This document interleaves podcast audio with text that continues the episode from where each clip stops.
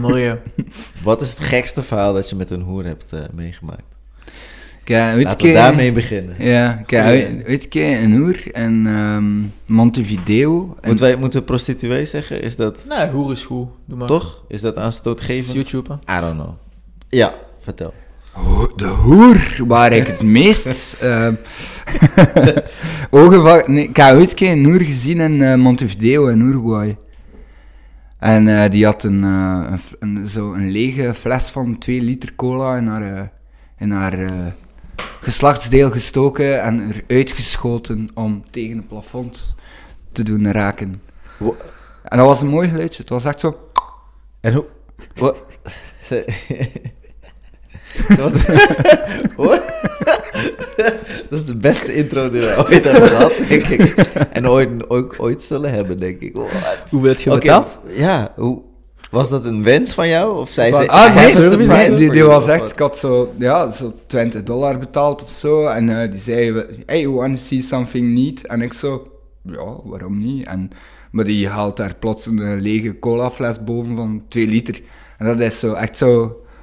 Een massive ding zo. En ik dacht in mijn eigen, Jesus wat voor weinig effect heb ik gehad nu het laatste half uur. Als jij die fles cola in je steekt, uh, ja, dan voel je plots zeer klein natuurlijk. En uh, ja, Wat? mooi trucje. Oh. Ja. En dat was Benjamin, welkom. Ja, uh, welkom. welkom bij ja, dit is een speciaal verhaal dat je hebt. Een van vele. Niet van, de hoer alleen, toch? er is nog meer, er is nog meer. Um, ja, vertel eens een beetje wat je allemaal meegemaakt? Uh, kort, hè? Kort. Uh, de korte versie is, ik ben uh, van... Je mocht hem wel wat dichter... Uh... Een, sorry. Een zeer jonge leeftijd ehm, ben ik coke beginnen dealen. En dat heeft mij... Ja, heeft ervoor gezorgd dat ik veel meegemaakt heb. Dan ben ik daarmee uiteindelijk in de gevangenis terechtgekomen. In Bolivie, in La Paz, San Pedro. En uh, daar heb ik uh, drie jaar en een maand vertoefd. Um, dan ben ik teruggekomen. Um, een boek geschreven. Ik ben een tweede boek aan het schrijven trouwens. Uh, en nu ben ik een tv-maker, een keynote speaker. Um, half professioneel coureur voor het kinderziekenhuis. ja, nog altijd een avonturier. Ja, toch nog eh, altijd? Zo, je doet veel. Ja, ik doe heel veel, ja. Hoe zit je dan begonnen met drugs te verkopen? Um, dat is eigenlijk voortgevloeid uit een cannabis uh, business dat, dat ik had. Een klein, klein zaakje dat ik zo had, zo als, als uh, tiener. Uh, dat was misgelopen en ga ja, als, als zoiets misloopt, dan zijn de meeste tieners wel zo van, oké, het is goed geweest. Um, Echt, wat is er dan misgelopen? Uh, er was iemand, een loopjong was gaan lopen met, met, wiet van ons. En uh, ja... Was je was al groot bezig? Ja, Alleen groot. Oh, ja, groot. Ja, ja, in de zin van. CBA, ja. Um, ja. dat is niet echt groot, hè. dat is zo gewoon een handeltje. En um, ja, op die, op die manier, als er een loopjong daarmee weggelopen, niet naar de klant geweest, de klant vroeg zijn shit terug. En zo was dat misgelopen. Ja. En zo zat ik plots met een schuld van 300 en zoveel euro, wat dat voor een 17-jarige redelijk veel geld is. Ja. En um, dat, ik heb dat uit mijn zaken betaald dan, maar ik vond dat niet fair. Ik vond dat zo unfair dat, dat ik mijn geld op die manier kwijt was. ik dacht in mijn nee, we need to go big, son. En, uh, oh, jij, had het ook een keer gedacht. Ik ja, ik had dat een keer gedacht. Uh, ik ben daar eigenlijk gewoon zelf actief naar op zoek gegaan. Zo ben ik daarin gerold. Uh, ik, wou, ik, wou, geld verdienen, ik wou, ik wou rijk zijn, ik wou, uh, ik wou macht. Ja. En ja, zo is dat gebeurd. En hoe begint je daar dan aan? Dan via via, via maten, vrienden? Ja, zo, je zoekt de meest foute maat eruit en dan ja. ga je verder. Ja, you just run the trial en dan zo. nee, ja, inderdaad, het is zo gebeurd. Uh, eerst in Antwerpen terechtgekomen, dan in Rotterdam, Antilliaan leren kennen. En eh, zo van het ene naar het andere. En ben ik mijn eerste vlucht gedaan als ik 18 jaar was met coke in mijn bagage. En waarom, waarom heb je niet gewoon blijven drugs verkopen in België? Nee, nooit in België verkocht. Nooit in België? Nee. In België. Oké. De laatste keer was toen, toen met die wiet. Ah ja, oké. En, Hoe, eh, oud was je toen? eh, met die wiet, 17. Oké, en dan op 18 heb je dan met de Antillianen iets afgesproken en dan ga je met de vlieger. Ja, naar Ecuador en dan teruggekeerd. En, Hoeveel eh, kilo? vier. En in je bagage? Ja, geïmpregneerd. Dat is een koffer chemisch- of een... Of, of, of, Wat? hè? eh, is in je koffer, in je... In je Ja, in de je- koffer in je en, je kleren gedrenkt, eigenlijk is dat. Dat is een chemisch proces. ja, dan, en dat eh, verbranden ze dan als je terug zit. Ehm, ja, ik was, ik weet niet, ik weet al de eerste keer, ik was, ik weet niet hoe nerveus ik had in mijn broek gepiest. Ehm, en de stewardess komt zo naar mij, que, que pasa? En dus, eh, dat, wa- ik, dat was in Lima, de- eh, nee, in ehm, para, wacht hé, noemt dat nu weer? Guayaquil. Dat is een stad in Ecuador, en dat was daar, ik weet dat nog.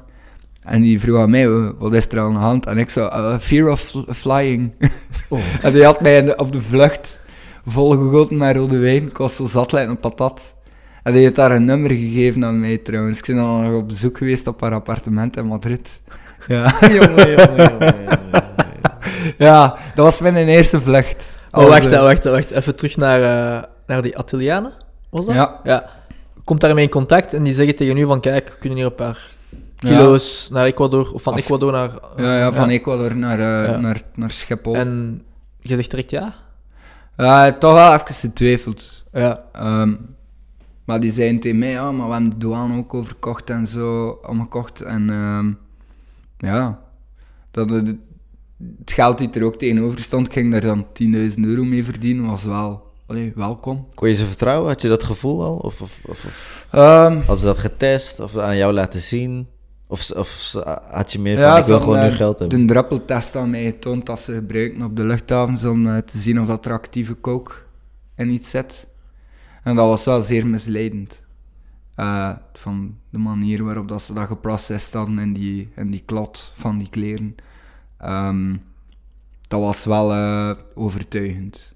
Ja. Ehm, ik heb twee keer gevlogen voor die gasten en die hebben mij toen ook de kans gegeven om zelfstandig te beginnen. Als ik een procent afstond aan die organisatie, dan voorzagen zij mij in logistiek. En dat was niet zo maffia like of dat je soms ziet op Netflix of op eh in Ja. bio- bioscopen of zo.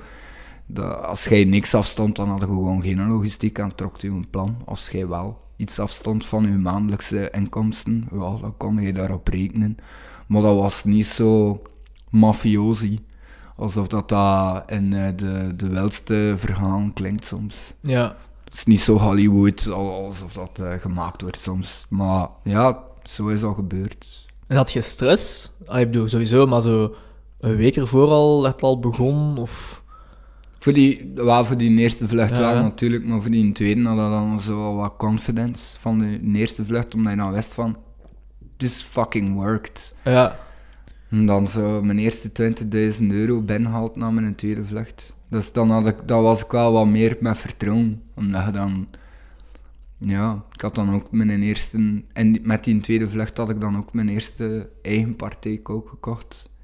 En dat ook verkocht in, in Europa. En dan eh, had ik, was ik plots onder 20.000 euro rijker. Ook met die, ook met die methode? Met het eh, Ja. kleren? Trouwens, dat is toch uncheckable? Dat kan toch nog, dat kan nog steeds, dat gebeurt toch nog steeds zo dan, of niet? Wat minder en minder. Het is een, een proces waar de autoriteiten eh, wetenschappelijk. Je begint wel een inhaalbeweging te zien in eh, de, de criminele wereld, waarin dat autoriteiten eh, op wetenschap inspelen om narcotrafiek eigenlijk voor te zijn. En waardoor dat nieuwere systemen uitgevonden worden. Nee. Ze Ja. zijn zelfs met duikboten bezig eh, de laatste tijd ook, Ja. over de Atlantisten over te steken. Dus ja, ze gaan echt heel ver en, en zeer minutieus ook. hè. Ehm, het, is, het, is een, eh, het is een kat-en-muisspel en dat gaat het altijd zijn, zolang dat iets illegaal is. Ja. Trouwens, dat, dat is niet alleen met cocaïne zo, het is met andere drugs, andere wapenhandel, ik zeg maar iets. Het is minutieuzer en minutieuzer aan het worden. En eh, er komt ook heel veel technologie bij kijken de laatste tijd. Ik weet nog, als ik dat deed in 2010, ehm, hadden ze, ze hebben nu met de overheid bijvoorbeeld die Sky ehm gehackt eigenlijk, die, ja, die eh, manipulatie eigenlijk op telefoons. Maar wij hadden dat niet. Wij hadden dat niet in onze tijd. Het enige dat ik had was een, een Blackberry en zo'n chat op die een Blackberry. En dat was toen de manier waarop dat wij communiceerden met elkaar. Maar nu ondertussen is dat... Ja. Toen was dat nog doenbaar allemaal. En in 2010, 2011 praat ik hier, was dat nog allemaal doable. Maar nu is dat... Nu- ja, Je moet je echt undetectable Ja. proberen zijn. ja. Nu moet je echt al een, een halve scientist zijn om eh, een zeer succesvolle coke dealer te zijn. En maar coke dealers tegenwoordig, vermoed ik, ik weet dat niet, hè, ehm, denk ik wel dat, dat ze zelf ook dat, dat, dat zeer hard vermoeden. Ehm, en dat ze daar zeker aan vast mee in zee stappen met wetenschappers en, en met gasten die mad scientists zijn. Want ze hebben die nodig. Heisenberg. Ehm, op een bepaald moment kom je toe in eh, Colombia, denk je dat was? Of eh, nee, eh, Bolivia was dat. Bolivia. En dan had je dat gevoel al zoiets van, ja, er gaat iets fout lopen vandaag, wat je niks... Er was een maat van mij mee geweest, eh, die, die ook eh, ja, hetzelfde wilde doen lijkt mij. En ehm, die is uiteindelijk gepakt geweest in de luchthaven van Ecuador. Ehm, die had eigenlijk gewoon een, een paspoortcheck, wat zeer logisch is in een luchthaven als je passeert om naar je vliegtuig te gaan.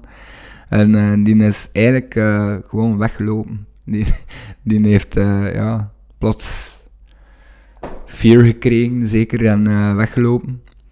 Eh, en is dan uiteindelijk gearresteerd geweest. Die heeft dan zo wat alles bekend, waardoor dat heel mijn, Ja, mijn logistiek ook wegviel. En eh, ja, dan ben ik over land nog proberen te reizen naar eh, Bolivie. Vanuit Ecuador. Met hetgeen dat ik nog had.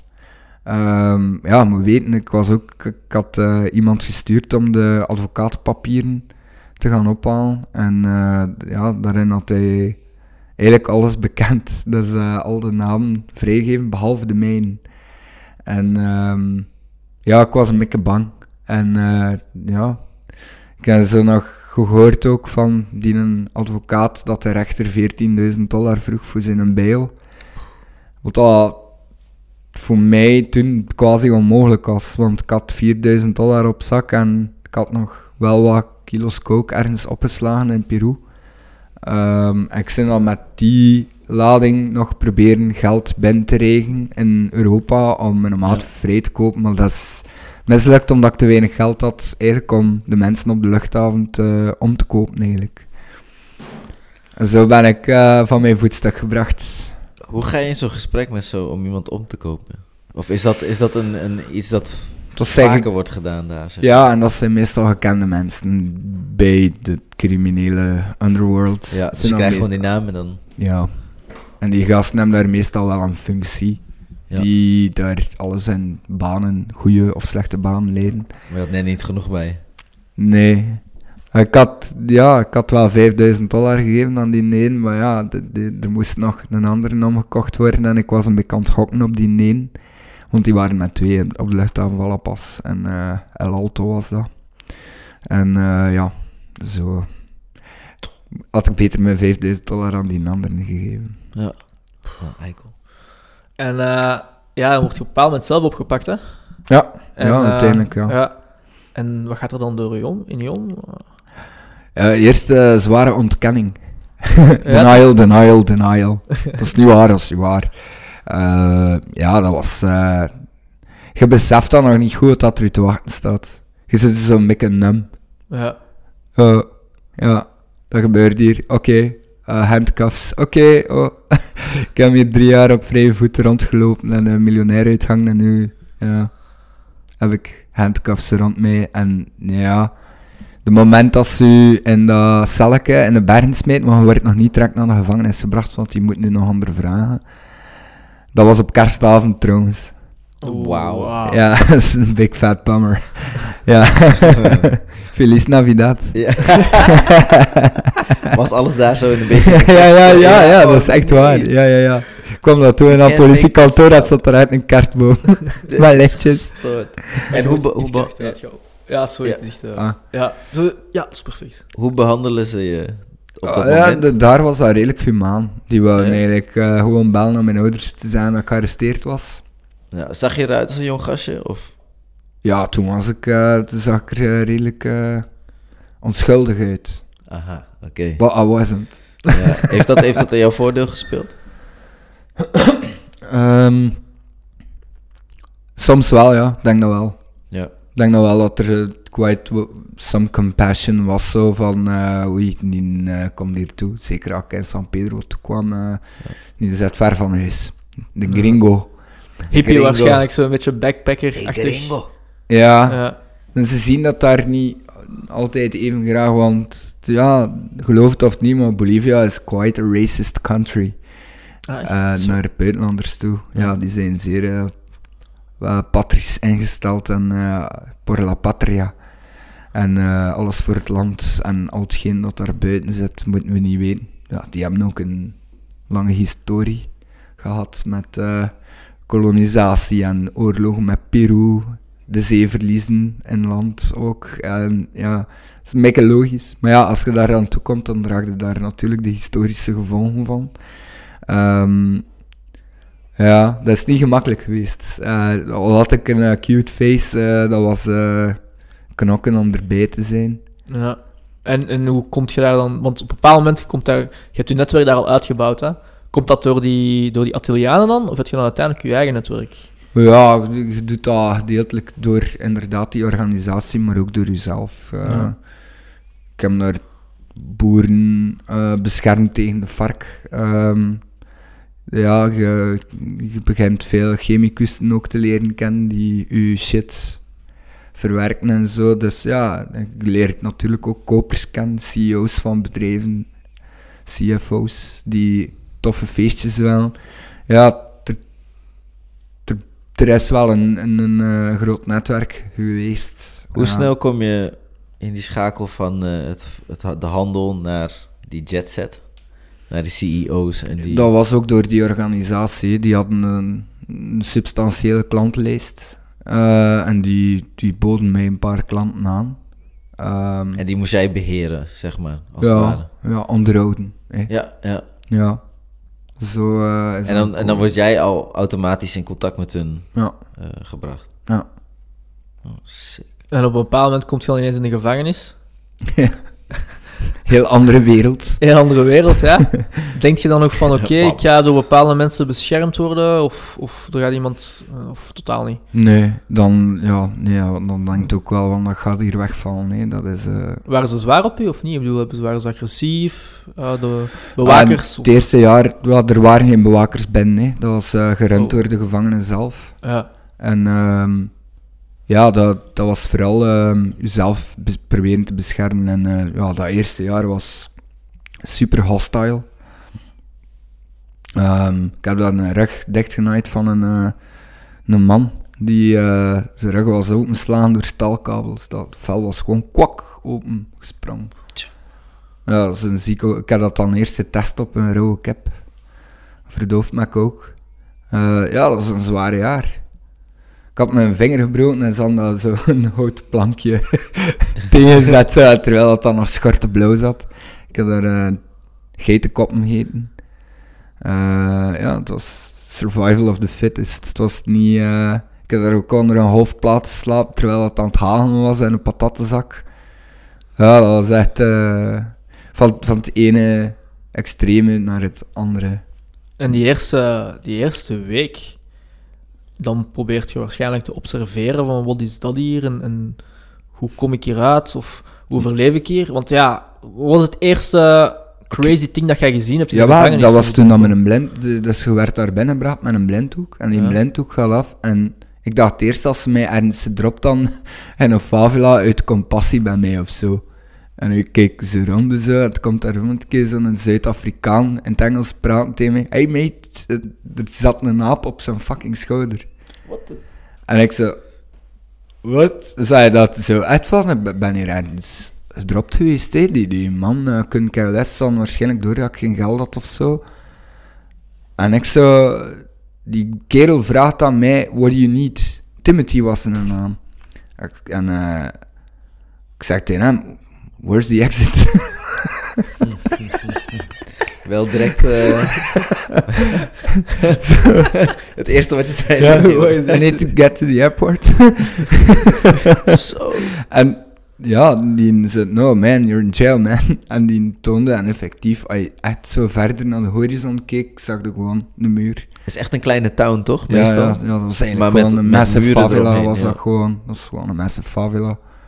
Dat is gewoon dat. En En dan is er een hiërarchie en een... Ja, een, eh, en zo win- echt een stadje. Winkeltjes, dit en dat. Ah, het was er iemand pizza's, eh komt had er iemand rond met pizza's. Ja, ja, zo dat en meneer, als je die poort nu open doet, gaat er iemand iets aan of zo. Want er was geen politie. Ben was er niks van, van autoriteit, niks. En krijg je dan een kamer? Of, of, Nee, of je is moet- het, eh zie maar. Je moet daar een kamer kopen of huren. Eh, en als je niks hebt, moet je in de arme afdeling slapen. Wat is de arme afdeling? Het, ja, dat, wilde niet slapen, man. Daar zitten al de junks en de, de vele van wat San Pedro is. De dark side. Ja, dark side. Gaat uw eigen kamer, hè? Eh, ja, na een eentje wel, ja. Ja. Ehm, dus ja, die eerste weken Ja, dat ben je was... aangevallen. Ja, toch, toch wel eh, paar keer tegen mijn, mijn had. Ja, dan Toch wel. vechten ze wel met nieuwe gasten en vooral in een buitenlander zit. En vecht jij dan, vecht je dan terug? Of Ja, in het begin was dat moeilijk, maar ja, je leert wel vechten op Ja. een duur. hoe lang heeft het geduurd voordat ze je geaccepteerd hebben?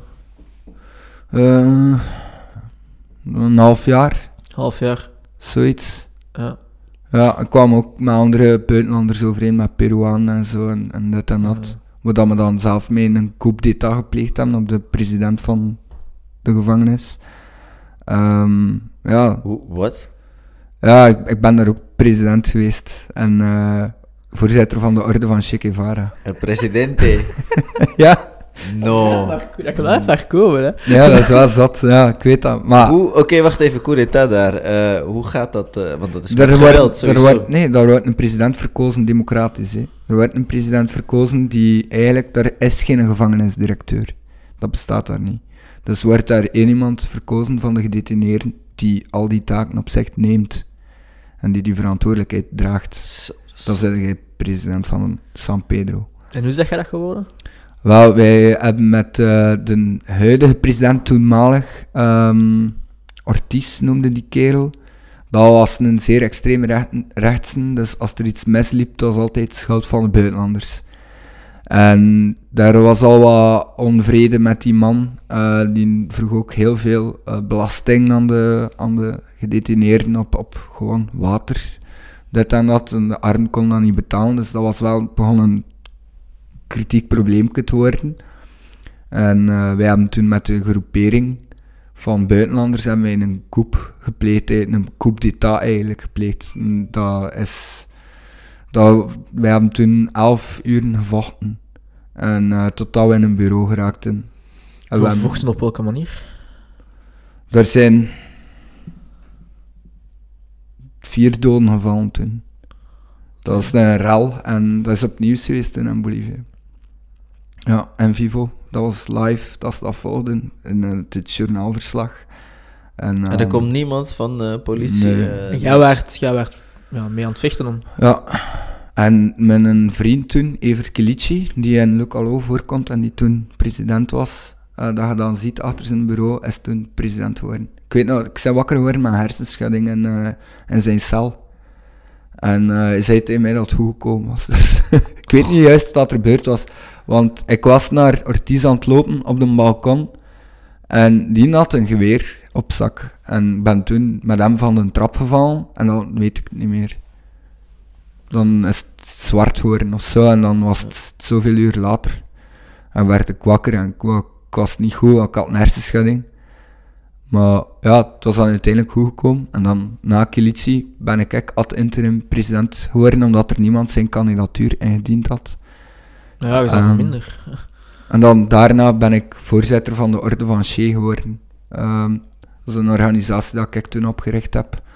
Om te voorkomen dat de functie van presidentschap zo bepalend kon zijn Waardoor dat er meer democratie zou ontstaan in, in San Pedro. En hoeveel, hoeveel momenten in dat gevecht dat je had gedacht van oké, ik ga hier dood? Ehm, ja, ik heb dat vaak gedacht. Maar dacht, ik had mij toen eigenlijk ook volledig weggeschreven als ehm, persoon. Ook dacht van, het is nu misschien beter om deel uit te maken van dit hier. No matter what happens. Ehm, ja, dat is ergens, ja, jezelf dan een beetje loslaten en, en misschien een beetje nadenken over the greater good, whatever it may, may be. Ehm, maar ja, ik heb wel een paar keer gedacht dat ik ging, vooral als hij zijn geweer uit zijn, uit zijn binnenzak aan het halen was, dan dacht ik van, oké, het is nu gedaan. En ik dacht dan, oh, what the fuck, ben nu toch al aan het lopen naar hem, kan hem dan even goed meesleuren met mij. En die trap was daar juist, ik weet niet of dat je dat gezien hebt in Lucalo, dat was zo twee hoge trap met een balkon. En ik was juist naar aan het lopen naar hem en dan ben ik met hem van die trap gevallen en dan weet ik niks meer. Maar het schijnt dat hij wel dat zijn been goed gegavend was van de val. Ja, toch? Dus eh, dat hij niet meer kon rechtstellen en zo is hem hem toen voor de poort gelegd. En, eh, En hoe was die, hoe was die sfeer na die koep? Want ja, dan is het... dan, is ja, dan heb ik nog een, eh, een ontsnappingspoging gepleegd. Dat mislukt was. En als je dan een ontsnappingspoging doet, dan loopt de, lopen de gevangenen dan achter u? Of, of, want er zijn geen bewakers, hè? Wat, Kilici, die toen president was, had een vluchtwagen geregeld voor mij. En had geregeld voor mij dat ik naar het hospitaal mocht gaan voor bloed te laten trekken, omdat hij er niet goed uitziet. En ehm, ik had totaal niet goed geluisterd naar Ever, die zei, je gaat naar buiten komen. En je gaat zonder handboeien zijn, omdat een dokter gaat zeggen tegen je een escort, dat best is van zonder handboeien, want als hij flauw valt, zit hij op zijn hoofd kunnen vallen als hij handboeien aan heeft. En ik begin te lopen, met een zot, wij komen naar buiten. Maar achter die biel dat ik ben, en in plaats dat ik dan overkant van de straat loop, dat die auto staat, dat is nou het verkeer, loop ik gewoon in de richting van het militair hospitaal. Allee, joh. Dus die flik roept, fuga, fuga, en ik loop eigenlijk gewoon in de richting en darm van 20 G.I. Joe's. ik moest daarvoor eigenlijk nog een jaar extra zetten, maar Kilic heeft dat blad verbrand, dus dat bestaat niet. Zoveel die plot ontsnappings- twist. Zoveel plot twist. Ja, maar ik zijn al wel in de isolatie moeten gaan zitten voor drie maanden als straf. Hoe is dat? En eh Moraya was dat, dat was, eh, dat was hard. Het is gewoon een donker gat. Ja, dat zijn twee hoge muren waar dat je testen zet. Vijf minuten zon per dag. En Kilici kwam dan iedere keer eh, zeggen, eh testen het gat van de muur, nog zoveel dagen en mocht terug in, eh, in de normale omstandigheden leven. Want die kolonel wel van, van het leger kon daar niet mee lachen natuurlijk. En die had dat geëist. Ja. Maar daarna is het al, allemaal redelijk goed, goed gegaan. Hoe lang heb je daar gezeten nu? Drie jaar en een maand. Ik moest daar tien jaar zitten. Ja, en dankzij Lucalo dan eh, vrijgekomen. Ah, het zijn veel mensen die dat vragen aan mij. Ja. Dat, is, dat is Lucalo die je komen halen heeft. Nee. Moet leuk zijn voor hem, hè? Wel je vrijheid. Recognition. Nee, ehm, door die eh, orde van Shea dat, dat ik opgericht had, eh, hadden wij ook contact met de ombudsman van het, de overheidsdienst van justitie. Ehm, en hebben wij eigenlijk een klein beetje slim slim gespeeld. Ehm, de nieuwe presidentsverkiezing kwam eraan voor het land Bolivie, niet voor eh, de gevangenis. En Evo Morales van de Liberale Partij eh, ja, was een super populaire kerel, maar hij had veel tegenstand. Ideale leverage voor ons om iets te werk te stellen en dan. En toen hebben wij de kans gehad om wet, wetsvoorstellen in te dienen. Maar ehm, ja, er zo onder het ingediend en die werden allemaal afgewimpeld. En eh, ja, we hadden door dat we niet slim genoeg waren. Dus dacht ik, ik heb nee, wat slimme mensen nodig. En heb ik studiegroepen van fraudeurs samengestoken, iedere dinsdagavond en donderdagavond in de kerk. En heb ik eigenlijk gezegd, je moet zien dat je de Boliviaanse wet gewoon leert en kent. Punt. En na een maand en een half kwamen die gasten effectief van, wat, denk dat we iets gevonden hebben. Ah, twee maanden voor de verkiezing, ideaal. Een amnestiewet. En eh, die amnestiewet zei, als je jonger bent dan 30 jaar, ouder dan 50 jaar, het is de eerste keer dat je iets gedaan hebt, klein vergreep, een derde van je straf uitgezeten, pardon, u mag gaan. En uh, als er doorkomt, en uh, ja, zijn er zo 800 en zoveel vrijgegaan. Dus je hebt een eigen wet Wow. in Bolivia. Ja. ja, maar dat is een land van veel mogelijkheden. Dat is echt een stoort. Hier zouden we dat niet kunnen bedenken natuurlijk, maar dat is een derde, dat is een ontwikkelingsland. van... eh, Dat is een ontwikkelingsland, hè. Je moet dat Ja. een beetje...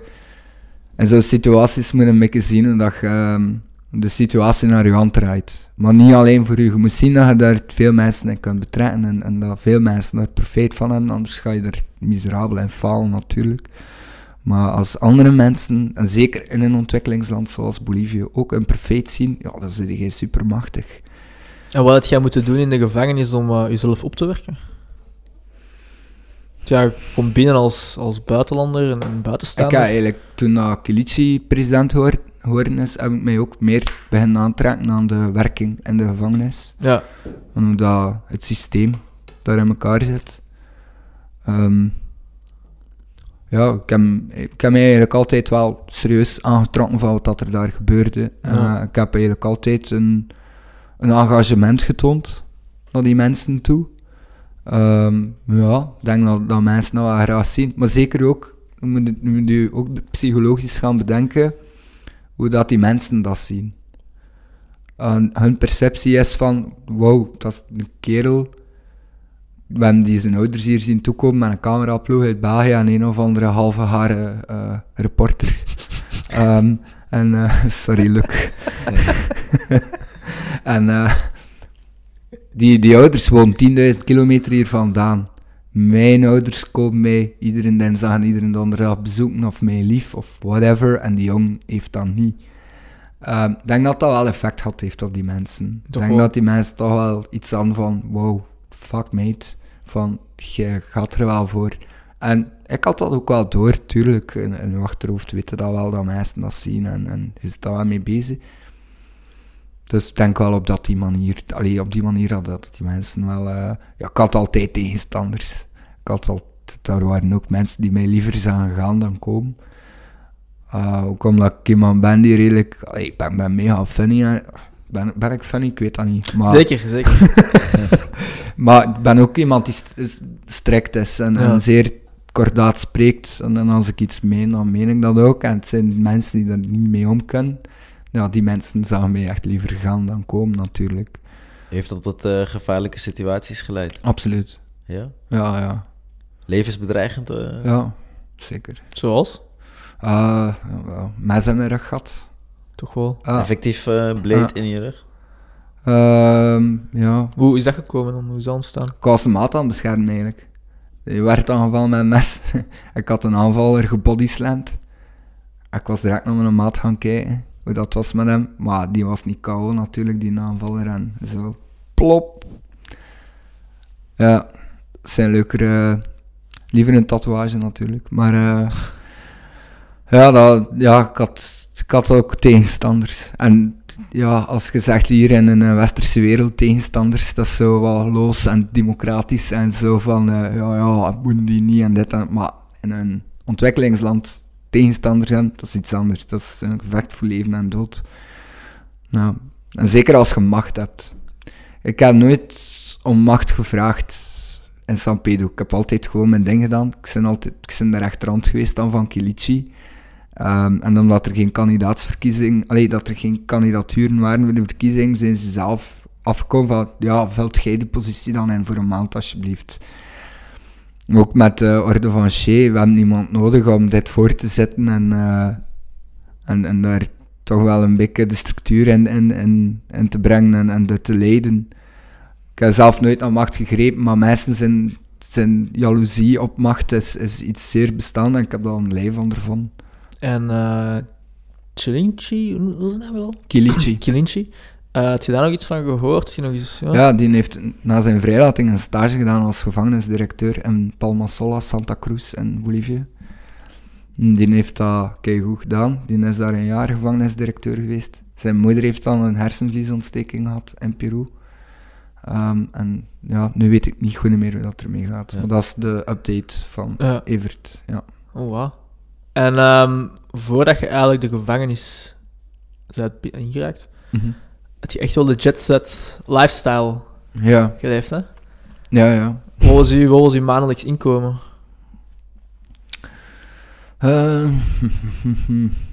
hmm, twee, driehonderdduizend. Per maand. Hoe oud was je toen? Eh, dat, dat bedrag begon vanaf mijn 19 jaar, ja. En waar woonde je toen? Waar woonde ik toen? Ja, waar woonde je? Eh, hotels. Hotels, overal in de wereld. Ja, Ja. ik heb nooit een- echt een vaste plaats gehad, eigenlijk, nee. Niemand die vragen ging stellen, familie of, of iets? Ja, of tuurlijk, vrienden ja. Of, of- Ja, dat wel. En ik loog dan altijd en ik zei dan dat ik een, een, een skater was die eh, onder contract stond en ik moest daar en daar zijn. Was je ook goed in skate? Of, of- Ja, dat was niet het, slecht. Het was nog geloofbaar. zeg Ja, ja, zeker. Oké. Ja, mijn ouders zijn vaak... ja, ik kom uit Wevelgem, de Zummies. Uh, Ramp Affairs die daar is, in, in eh, het industriepark. En het gebeurde wel soms een keer dat ik met wat geld kon... Van een contest kon terugkomen Oh, en eh, zo best trick, zo dit en dat.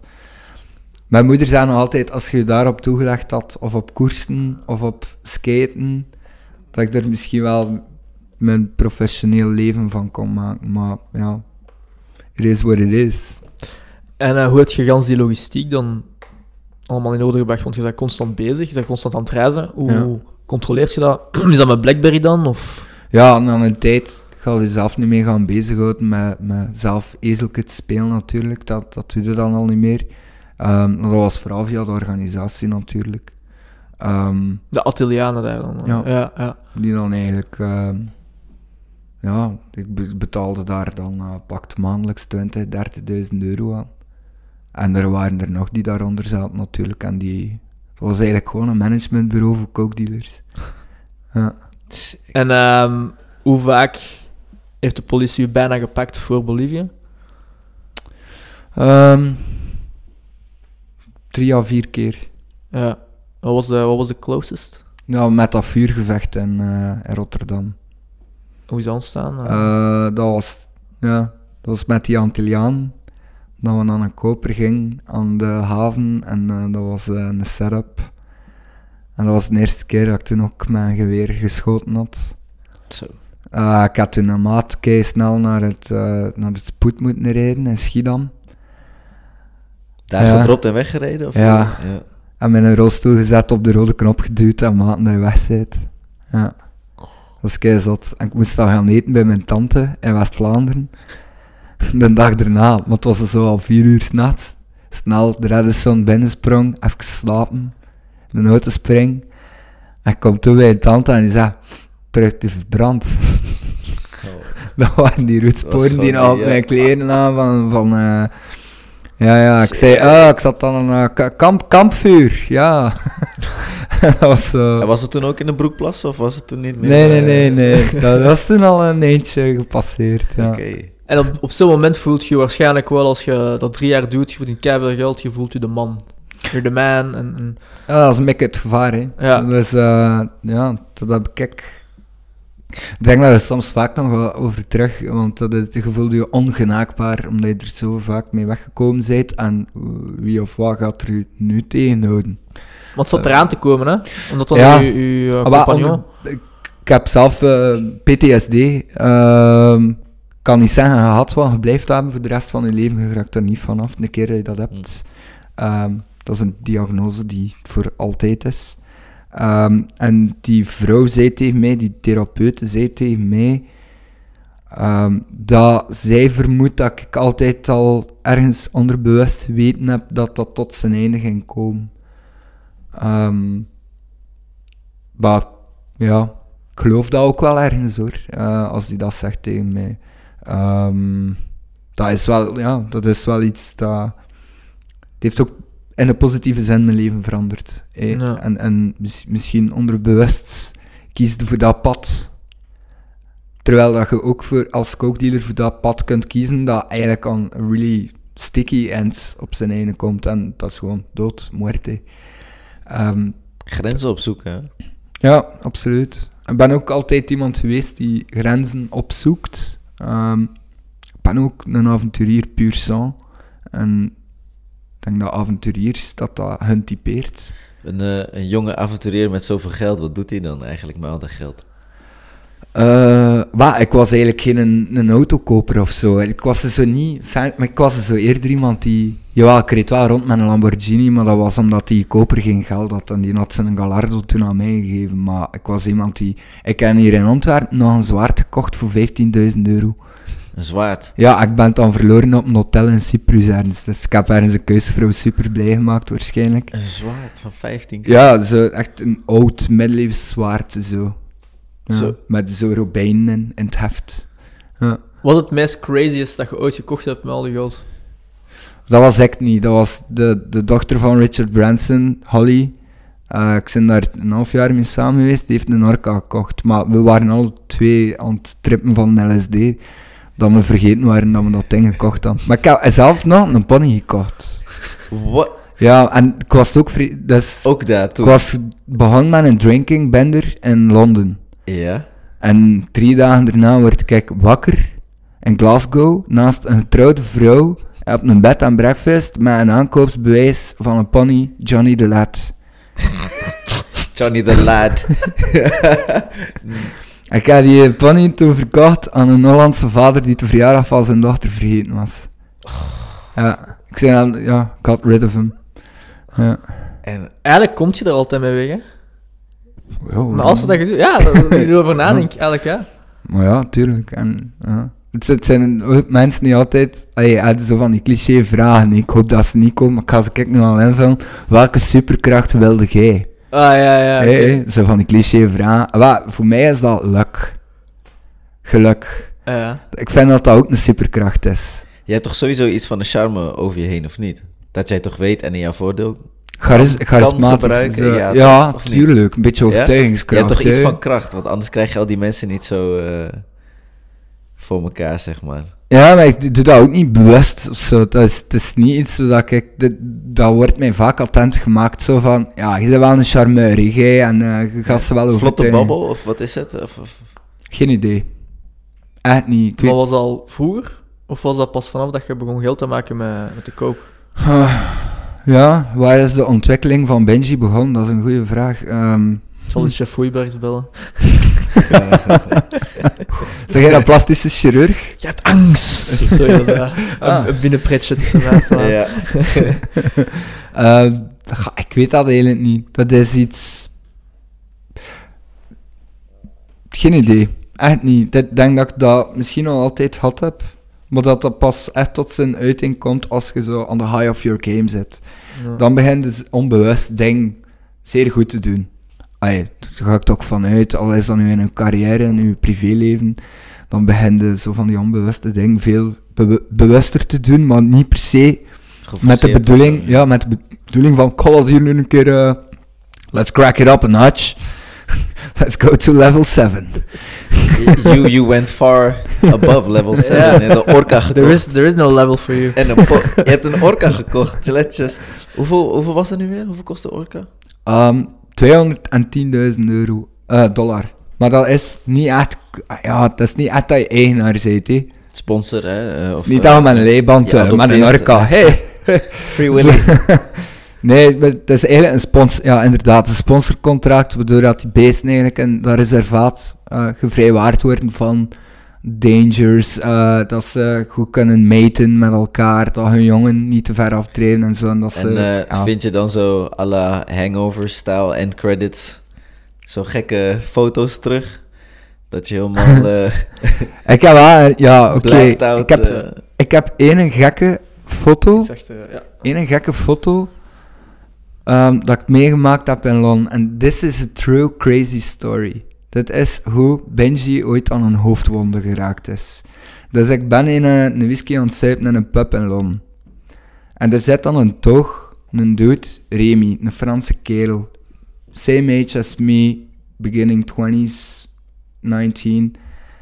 En eh, die Remy is nergens meer te bespeuren. En ehm, ik moet met een keer gewoon naar de wc. Ik ga naar de wc, naar de piscijn. En ehm, ik heb plots de urge om de scheet te laten. En ik kijk rond mij in die wc. Niemand te bespeuren. All good to go. Woep, 21 gun salute. En ik kijk plots naar mijn linkerkant en ik zie een vaste wc dat op rood zit. Oh. En ik ben zo te denken, ja, natuurlijk, ik zit al zeven whiskies diep, ik. Oké? En ik begin zo rare dingen te denken van, heeft, hij hem dan, heeft, heeft dat nu iemand gehoord? Of is dat misschien gewoon technisch defect en, en, en zit daar niemand op en heeft dat niemand gehoord? Dus ik begin zo, echt, crazy voice in my head is zo bezig, zo van, what should I do? Zo, en die wc, die deur was zo niet solid. Kent dat wel zo van die halve Oh, wc-deuren? nee, zo, dat daar kan ik zo nooit naartoe gaan. Nee. ruimte zo onder zit. Die Zo. snap ik echt niet. Dus wat doe ik? kijk? Ik begin mij te buigen en ik begin daaronder te kijken. Maar wat gebeurt er? At the same moment, dat was die Remy, doe net hetzelfde. Dus kijkt ook onder de deur, een fractie van een seconde, eye contact. Ik verschiet mij een bult en ik stuik met een kop tegen die lavabo en ik begin te bloeden, lijkt een pier. Die Remy stapt dan naar buiten. Oh my god, I am so sorry. I didn't know it was you. I was waiting. You fart really loud. Uh, die kerel heeft mij naar het spoed moeten voeren. Oh, Ja, want ik begon keihard te bloeden. alles En- door de scheet. Ja, en eh, daar heeft een zuster, een, een, van die nurses, een selfie genomen met mij, met zo'n zieke tulband rond met een kop, zo, met een... Listen to this crazy story, friends. Nee. Echt waar, ja, dat was een crazy selfie wel van, eigenlijk, ja. ja. Eh, op het hoogtepunt van uw, eh, van uw ja, netto waarde, hoeveel was dat? Ja, ongeveer 2 à 3 miljoen, zoiets. 2 à 3 miljoen. Ja. Had je daar ergens in een muur gestoken? Of?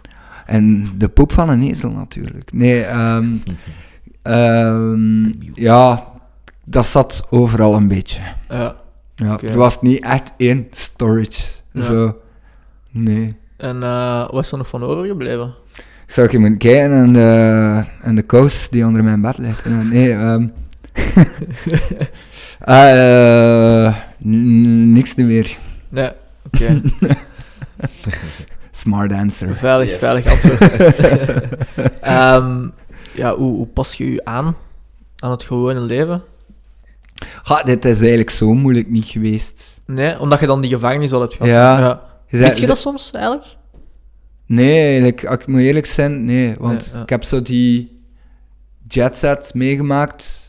Ik heb er ook vuile dingen in gezien en er lopen echt geen normale mensen rond. Ah. Sorry, dat is zo. Dat is, eh, Ik heb er echt maar amper normale mensen tegengekomen. En het komt meest van al overeen met normale mensen, met a tad of craziness. Uh, maar ja, er zit net... Die jetsetters, zijn die full crazy? Ja, er zit net? Gaan Ik heb er ja, een super mensen en vrouw zien slaan eh, op zijn, cru op zijn cruiseschip. Dat ik dacht, in nee, fuck ja. Die gaat hier... eh, we hebben hier geen dokter. ja, dat is fucked up. Dat zijn monsters. Ja, geld doet echt rare dingen met mensen, echt waar. Wat heeft dat met u gedaan dan? Goh, ik kan ooit met... Ik had ooit in mijn hoodie 70.000 euro zetten en ik was uit verveling een doe-het-zelfzaak binnengestapt voor een rubbernamer te kopen om mieren dood te slaan op straat. Hi, waarschijnlijk wel. Nee, Nee? gewoon vervelen. Ja, echt lo- lonely en vervelen. Alleen zijn en vervelen en veel geld hebben. Je waart wel alleen, hè? Ja, ik had, ja, het is ook moeilijk om vriend te hebben, nee. Ja. Ja, dat is quasi onmogelijk. En relaties? Echte relaties? Ook amper. Veel, ja, veel vrouwen, maar niet voor te zeggen van, eh, wow, that's the one. Of I'm gonna stick with this one. Nee, totaal niet. Dat Was je, was, daar ook, was je daar ook naar op zoek? Of nee. was dat, dat part of life op dat moment? nee, ik was gewoon een piraat zonder kompas en ik was gewoon een nieuwe synthese aan het uitvinden. Ja. Ja, voilà. Dus eh dat was zo, ja, een beetje meer op die manier. Dus ja, dat veel geld deed, deed wel... Ik had dat wel door dat dat rare ding deed met mij. Dat was Ja. niet... Je wordt ook jong, hè? Ja, vooral dat. La- lack of, of life experience en zo. On the watch zijn voor iets wat je niet weet. Zo, ja, ik was ook continu excited voor alles. Ja. Ehm, ik was ook makkelijk ehm, verleid door iets. Want dat wel gek is, ik heb nooit echt kook. Ik heb dat al twee keer gedaan. Eén keer door mijn neus en één keer op mijn fluit. En voor de rest heb ik superveel LSD gedaan. ja. Ja, dat was, dat, daar was ik hooked aan, aan LSD. Er, Ja? er, er ging geen een dag voorbij of eh, een trip was afgelopen en het volgende kartonnetje lag al op mijn tong. Wauw. Dat was, ja, dat was wel een wilde tijd. En mijn moeder zegt soms tegen mij, je ziet dat al aan nu, dat je een beetje... eh, dat je er ver in gegaan bent. Hoe weet zij dat? ja, ze kent mij van dat ik klein was en normaal. En eh, ze kent Ah, mij zo, van eh, ja. na heel de passage. En ze zegt, Maar ja, je hebt ook keihard meegemaakt, hè? Ik bedoel, het is normaal dat je zo, zo, zo wordt, hè? Als je zoveel meemaakt. ja, misschien wel. Ja. Ik vind dat je er eigenlijk nog vrij normaal bent Ja. uitgekomen, eerlijk gezegd. Ah, oké, En dank dan u. dat extreme. ja, ik bedoel, als je... Ah, dank u. Ja. Ja. Ja, Ik ga even mijn tweede onderbroek gaan uiten. Ze hebben, nog een coke dealtje. hè. ja eh, eh. Terwijl die camera's uit. Nee, maar nu is dat... Allee, ik ga wel eerlijk zijn. Nu, het- nu voelt dat aan like dat ik op pensioen ben. Dat Ja. is echt zo. En de eerste maand van... Oh, maar je hebt veel gewerkt of dit of dat. Nee. Ehm, ik heb veel meegemaakt. En, en nu heb ik echt wel het gevoel van... Wow, dit leven is chill. En Ja. ik heb veel om man. Nee, ik heb... allee, ik heb moeten hoeveel weken vooruitkijken voordat ik naar hier kon komen. Ik heb echt veel te doen. Ik. Ja. Ehm, thank God, there's something like an agenda. Ja. Ehm, maar ja, voor mij is dat een pensioen. Niet meer continu on guard moeten zijn, sneaky, moeten liegen tegen mensen, zeker tegen mijn ouders. Ehm, ja, dat is pensioen voor mij. Oké, mooi. Dat is eh, een mooie afsluiter. Dat Wild stories. al, eh, Echt wild wild stories. stories. Ja, Ehm, we gaan zeker een deel 2, deel 3, deel 4 eh, opnemen. Ooit. ja zeker. Ik denk dat we hier nog eh, eh, drie episodes Ik wil nog meer horen van Ja, ja, ja. gek verhaal hoor. Ja. Bring it on. Eh, Benji, bedankt. Ja, ehm, Dylan, eh, bedankt en Salam. Sam- salam. Yes. Salam, ook bedankt. En eh. eh, ik zal zeggen tot de volgende. Dank u zeer, Steve. Ciao. Ciao.